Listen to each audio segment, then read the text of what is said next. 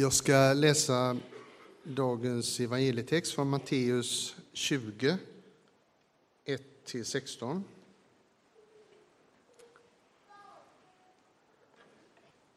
Med himmelriket är det som när en jordägare vid dagens början gick ut för att leja arbetare till sin vingård. Han kom överens med den om en dagspenning på en dinar och sände iväg dem till vingården. Vid tredje timmen gick han ut igen och fick se några andra stå sysslolösa på torget. Till dem sa han, gå bort till vingården ni också. Jag ska ge er skäligt betalt. Och de gav sig dit. Sedan gick han ut i sjätte timmen och vid nionde timmen och gjorde likadant. Vid elfte timmen gick han ut igen och när han såg några andra stå där sa han, varför står ni här hela dagen utan att arbeta? De svarade, därför att ingen har lejt oss. Då sa han, gå bort till vingården ni också. På kvällen sade vingårdsmannens ägare till förmannen, kalla samman arbetarna och ge dem deras lön. Börja med den som kom sist och sluta med det första. Det som hade lejts vid elfte timmen kom fram och fick en dinar var.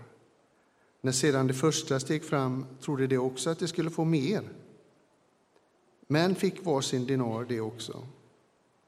Då protesterade de och sa till ägaren, det där som kom sist har bara hållit på en timme och du jämställer det med oss som har slitit hela dagen i solettan. Då, han, då sa han till dem, min vän, jag är inte orättvis mot dig. Vi kom ju överens om en dinar. Ta nu vad du ska ha och gå.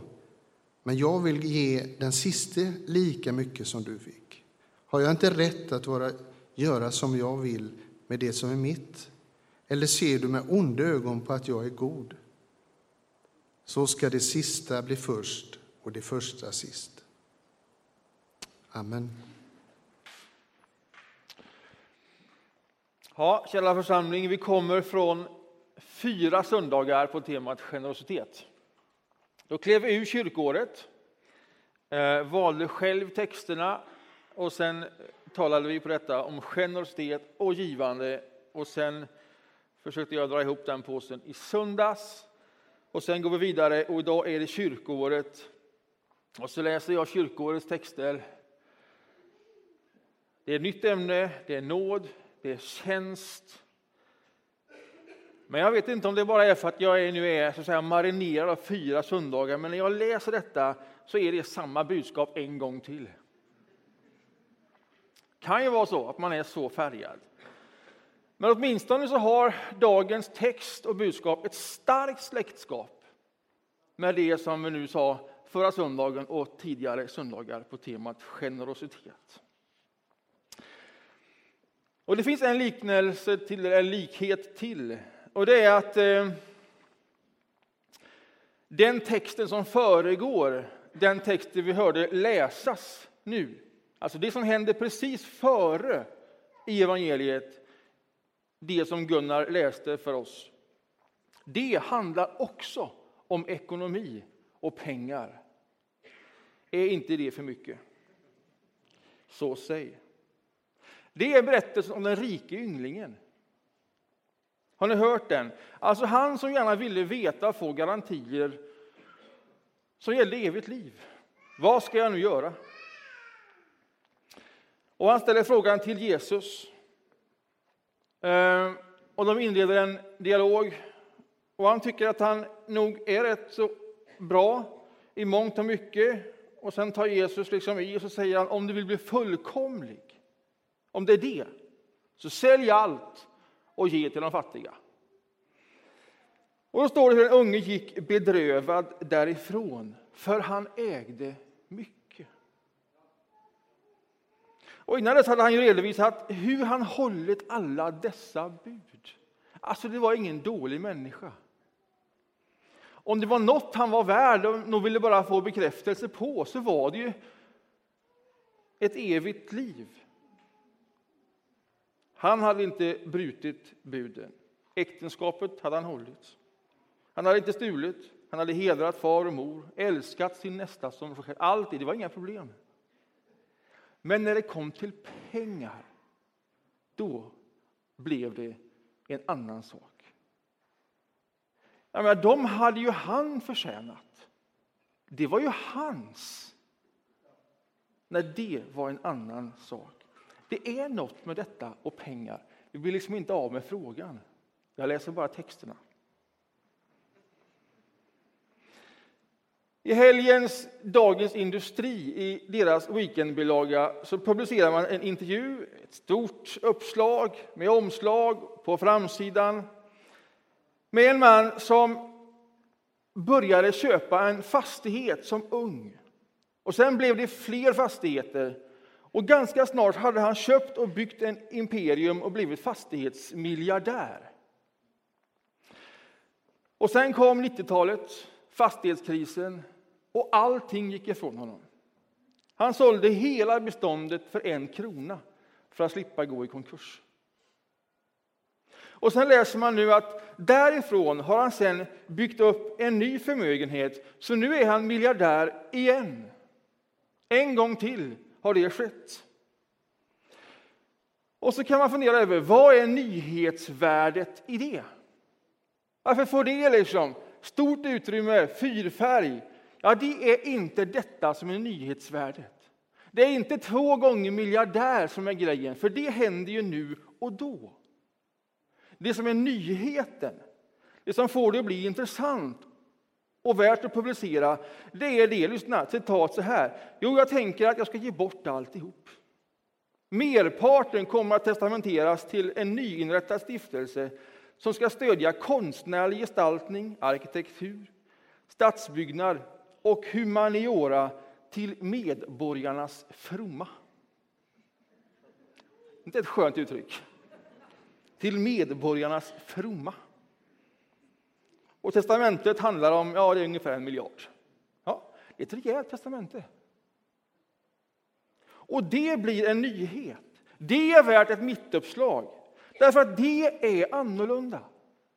Därför att det sticker ut. Om man en gång har byggt upp en miljard, blivit av med en miljard, byggt upp den en gång till, då ger man inte bort den. Detta har man ju själv skapat. Och det man själv skapat, det man är värd, det som är bekräftelse på min förmåga, vem jag är, det håller man omkring. Men inte så här. Detta släpper man iväg. Det blir nyheter. Den liknelsen som vi har läst den här söndagen, den som Gunnar läste, den följer alltså på den här berättelsen om den rike ynglingen. Och den är placerad här, den berättelsen om vingården och arbetarna, förmodligen för att understryka just den poängen som kommer fram i mötet mellan Jesus och ynglingen. Därför att bägge berättelserna slutar på precis samma sätt. De sista ska bli först och de första ska bli sist. Först en story real life, en dialog med människa och sen en fiktiv berättelse, en liknelse. För att liksom understryka det som nyss hände och för att få fatt i den poängen. Och så slutar det på precis samma sätt. De sista ska bli först och de första ska bli sist. Vad betyder det? Med himmelriket är det så här. Så börjar det. Här kommer en beskrivning alltså av hur himmelriket är.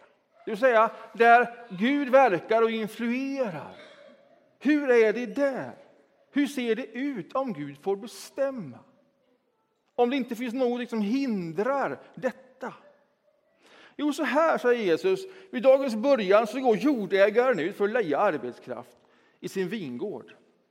Och han möter på några stycken som han förhandlar med. Vill ni arbeta? Ja, de vill gärna arbeta. Det här är på morgonen, det är tidigt. Och en hel arbetsdag ligger framför. Och de kommer överens om en dagslön på en dinar. En dinar, det är en typisk dagslön. Tänk vad du tjänar i månaden, slå ut det på en dag. Det är en dinar. En typisk dagslön. Det är liksom en bra, en bra deal. De har ett arbete. Och sen är det så att den här ägaren den, den fortsätter sin tur och lejer fler. Det går ett par timmar till. Och så förhandlar han med dem. Jo, de vill också arbeta och de ska få skäligt betalt, står det. Och sen fortsätter han sin tur under hela dagen. Och sen när det kommer till bara någon timme innan det är mörkt. Och när det är mörkt, det är då man slutar jobba. Då är dagen slut. Så han kommer till den stunden på dygnet när det är en timme kvar innan man ska sluta jobba. Och då hittar han någon som är sysslolös. Och så säger han, går det också bort? Ja, visst, och de går bort. Och inte ett ord om pengar. Inte en förhandling, ingenting. De verkar inte veta överhuvudtaget hur mycket detta var värt. Det var ju ett jobb i elfte timmen. Så de bara åker med och går dit. Och sen kommer kvällen. Och så samlar då vingårdens ägare alla som har arbetat. Och så ska han då dela ut, så att säga. Alla ska få sin beskärda del för det man nu har gjort.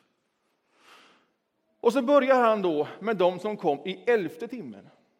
Alltså de som var där en timme och jobbade. Och sen får de alla varsin dinar.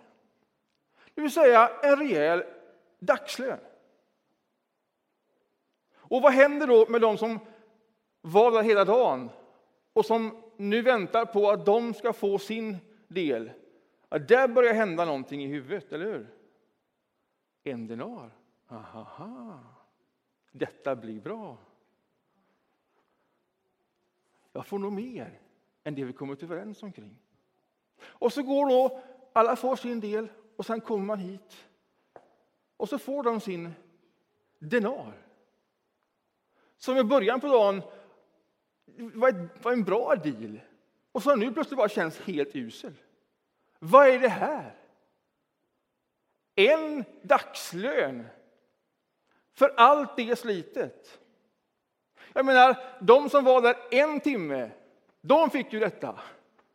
Och, och vi som har varit här hela dagen och solen har skinit och det har varit svettigt. Och detta är helt orimligt. Vi har rätt till mer.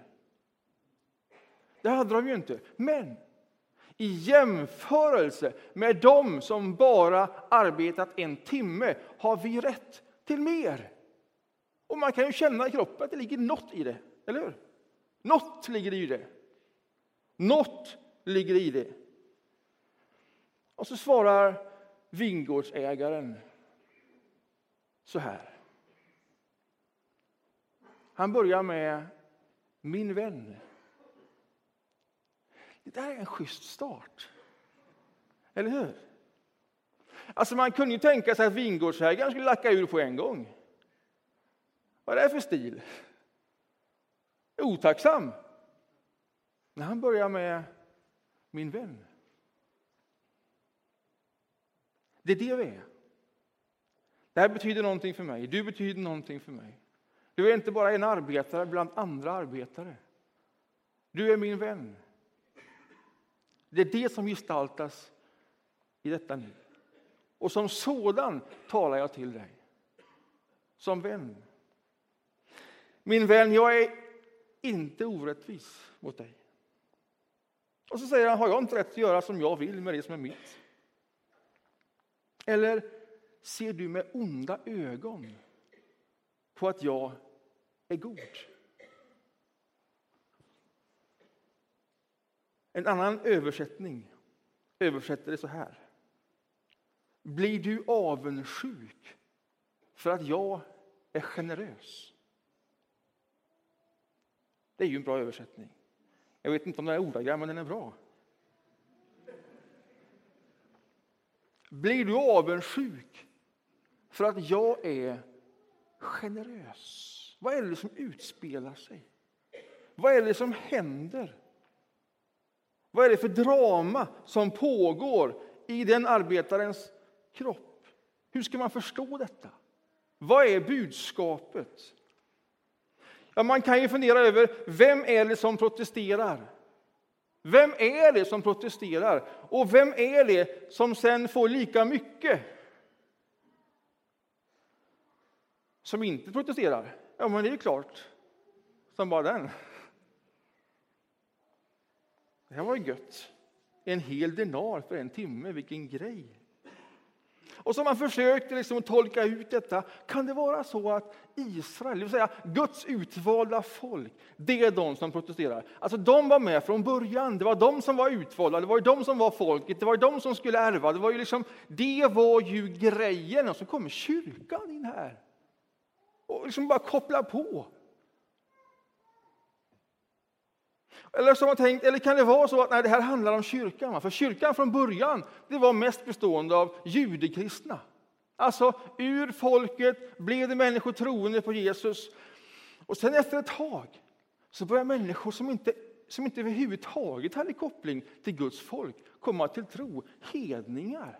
Och då kände man lite grann, vänta nu, de har ju ingen story. De kommer från ingenstans, bara rakt in. Kan det vara det det handlar om? Och sen när man läst det igen lite mer nutida så tänker man, ah, kan det handla om så här gammelkristna? Som har varit med jättelänge och vet precis hur allting är och hur det ska vara. Och så kommer det nykristna in och de vet inte mycket. Men de tar för sig ändå och de hamnar i styrelsen och församlingsledning och det är ingen ordning överhuvudtaget. Alltså vem, vem handlar det om i texten?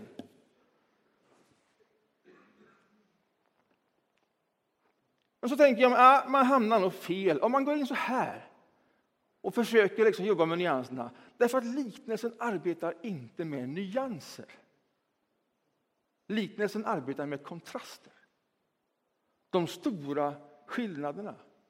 Det var många som hade fått arbetet den här dagen. Det var många som hade jobbat. På morgonen fick någon dealen, lite senare fick någon dealen, på eftermiddagen fick någon en deal och sen sent vid elfte timmen men när allt sen ska dras ihop på sin poäng, då struntar man i alla de här i mitten. De bara försvinner. Utan kontrasten står mellan den första och den sista. Det är det som är grejen. Det är det som alltid är grejen med en liknelse. Det är kontrasten. För att få fatt i poängen, vad är det för kontrast? Ja, kontrasten är inte ens mellan den första och den sista när det gäller poängen i liknelsen. Inte alls. Jag menar, den som kommer sist, jobbar en timme, får en hel dagslön. Är det någon som är förvånad så är det han eller hon. Detta är helt orimligt. Men döljer sin förvåning och tar emot det i glädje. Vem har inte gjort det? Jag tror förvåningen var lika stor för den personen som den som har jobbat en hel dag och ändå bara fick samma. Förvåningen var lika stor. Så här ser inte samhället ut. Det här är helt orimligt. Vad betyder detta? Kontrasten står emellan de båda, hur de tänkte, det som var deras värderingssystem det som det är att vara människa i hög grad och å andra sidan vingårdsägarens agerande. Det är det som är poängen. Alltså mellan alla de värderingar som ligger inbäddade i vår världsbild som nog kan handla om Israel och kyrkan, och judekristna och hednikristna och, och, och gammelkristna och nykristna och Gud vet vad. Därför att det ligger djupare än så. Det ligger inbäddat för att vara människa. I hur vi skapar och fostras att värdera saker och ting. Det är en kontrast mellan vår världsbild och det som är himmelriket. Det som är Guds rike. För det är ju det berättelsen handlar om. Och den kontrasten är så stor. Mellan det som är liksom vår vardag och det som är Guds rike. Den är ofta så stor, skillnaden så markant och influent att det är som upplagt för major surprises. När allting en gång ska räknas samman och man liksom ska se vad är stort och smått och då ska de sista bli de första och de första blir de sista. Och det är så konstigt, för vi har nästan inte nu begrepp om att riktigt förstå vad det betyder. Vad betyder det? Vad betyder det? Varje år presenterar GP, vår lokala tidning, en lista på de 100 mest inflytelserika personerna. Har ni läst den? Jätteintressant. Sen finns det internationella tidningar, typ Time. De gör likadant, men då är det hela världen. Detta är världens hundra mest influenta. Och hör och häpna, påven ligger på andra plats. Det är sånt vi fascineras över. Och sen kommer kvällspressen, Expressen, GT, Aftonbladet. Och nu och då presenterar de listor över förmögenheter. Hur mycket vi äger. Eller hur mycket vi tjänar. Och då presenterar de det postnummer för postnummer. Så man kan gå in och se hur det ser ut på min gata. Hur mycket tjänar de här? Hur mycket pengar har man?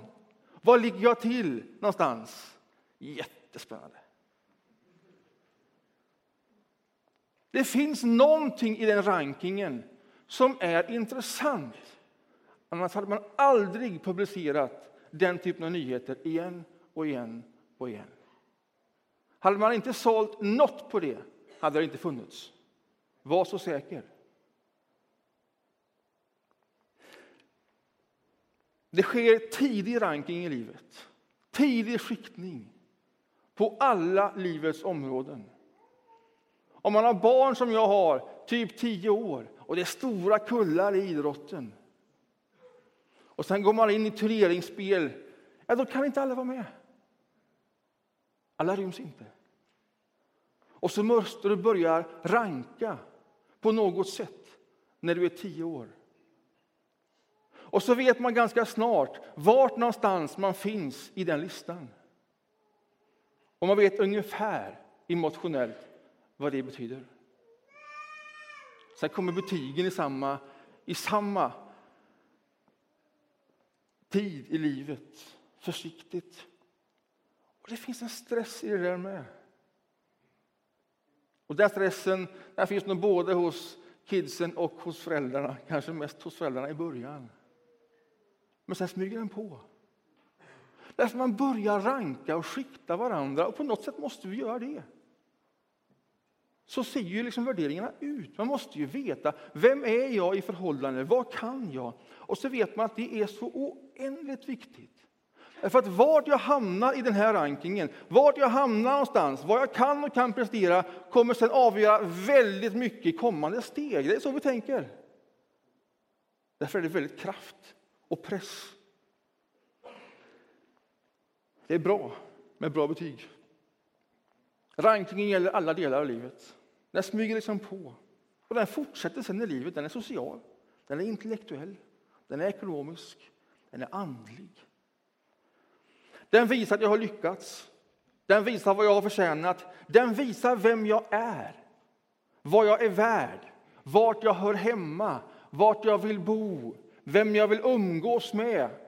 Vi skiktar det på alla dessa nivåer. Det är inbäddat i själva livet.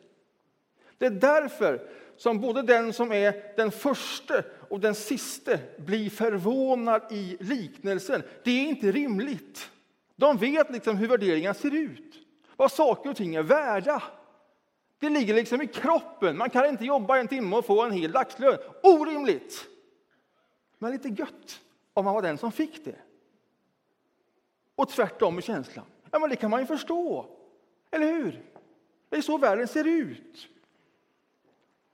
Och allt detta, all sorts ranking är det som ställs i kontrast mot Guds rike.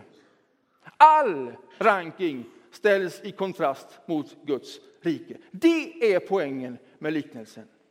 Det vill säga, där i himmelriket, i Guds rike, där möts vi med och av nåd, ingenting annat. Gud möter oss med nåd, punkt. Och det är det som visar vem jag är. Det är det som visar vad jag är värd.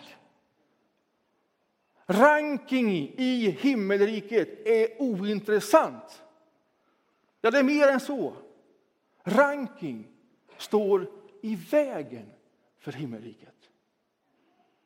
Skiktningar emellan människor oavsett område, står i vägen för himmelriket. Detta är budskapet. Ett kraftfullt budskap. Ta emot nåden. Ja, när det gäller Gud så har du inget val. Det är så det funkar. Det finns inget annat. Vem du än tror att du är, det är så Gud möter dig. Av nåd. Gud säger, min vän, till dig som har jobbat hela dagen och tycker du har förtjänat. Och han säger, min vän, till den som kom och bara slank in. Det är det som är grejen. Min vän. Min vän. Koppla av. Ta ett djupt andetag. Ta dig ur det som har skapat värderingar som definierar vem du är och ta emot den här verkligheten. Himmelriket, mitt rike, min vän. Du har fått allt. Livet är en gåva, liksom frälsningen. Och du som har fått mycket, ge mycket. Ge av det som du fått socialt. Håll det inte för dig själv. Bryt de cirklarna, bjud in i det. Och låt nåden få genomsyra ditt sociala liv. Det är en gåva. Ge den vidare. Ge den vidare. Allt är en gåva. Därför att Gud, min vän, möter dig med nåd. Kan du se det? Ja, men det är svårt att bryta igenom allt det som vi har lärt oss ett helt liv. Men försök. Ta emot det. Ta emot det. Lev i den gåvan. Lev i nåden. Det du har fått intellektuellt, ekonomiskt, andligt. Det som tycks vara din begåvning, din möjlighet. Det du har att förvalta. Bryt de cirklarna omkring dig och ge det vidare. Du har fått mycket. Ge mycket. Involvera människor i den rikedomen som du fått att förvalta. Och jag tror så här. När församlingen är som bäst, när församlingen är som den har tänkt vara, när församlingen är så att när Gud ser på församlingen att han bara säger till de andra i sammanhanget nu, nu är vi på spåren. Det är när vi bryter konstruerade skiktningar och rankingar och inte ser varandra så som man ser varandra i så stort och smått i världen. Utan vi ser på varandra med nåd. Som vi själva är sedda med nåd. På inget annat sätt. Lev i Guds nåd. Låt den genomsyra allt. Amen.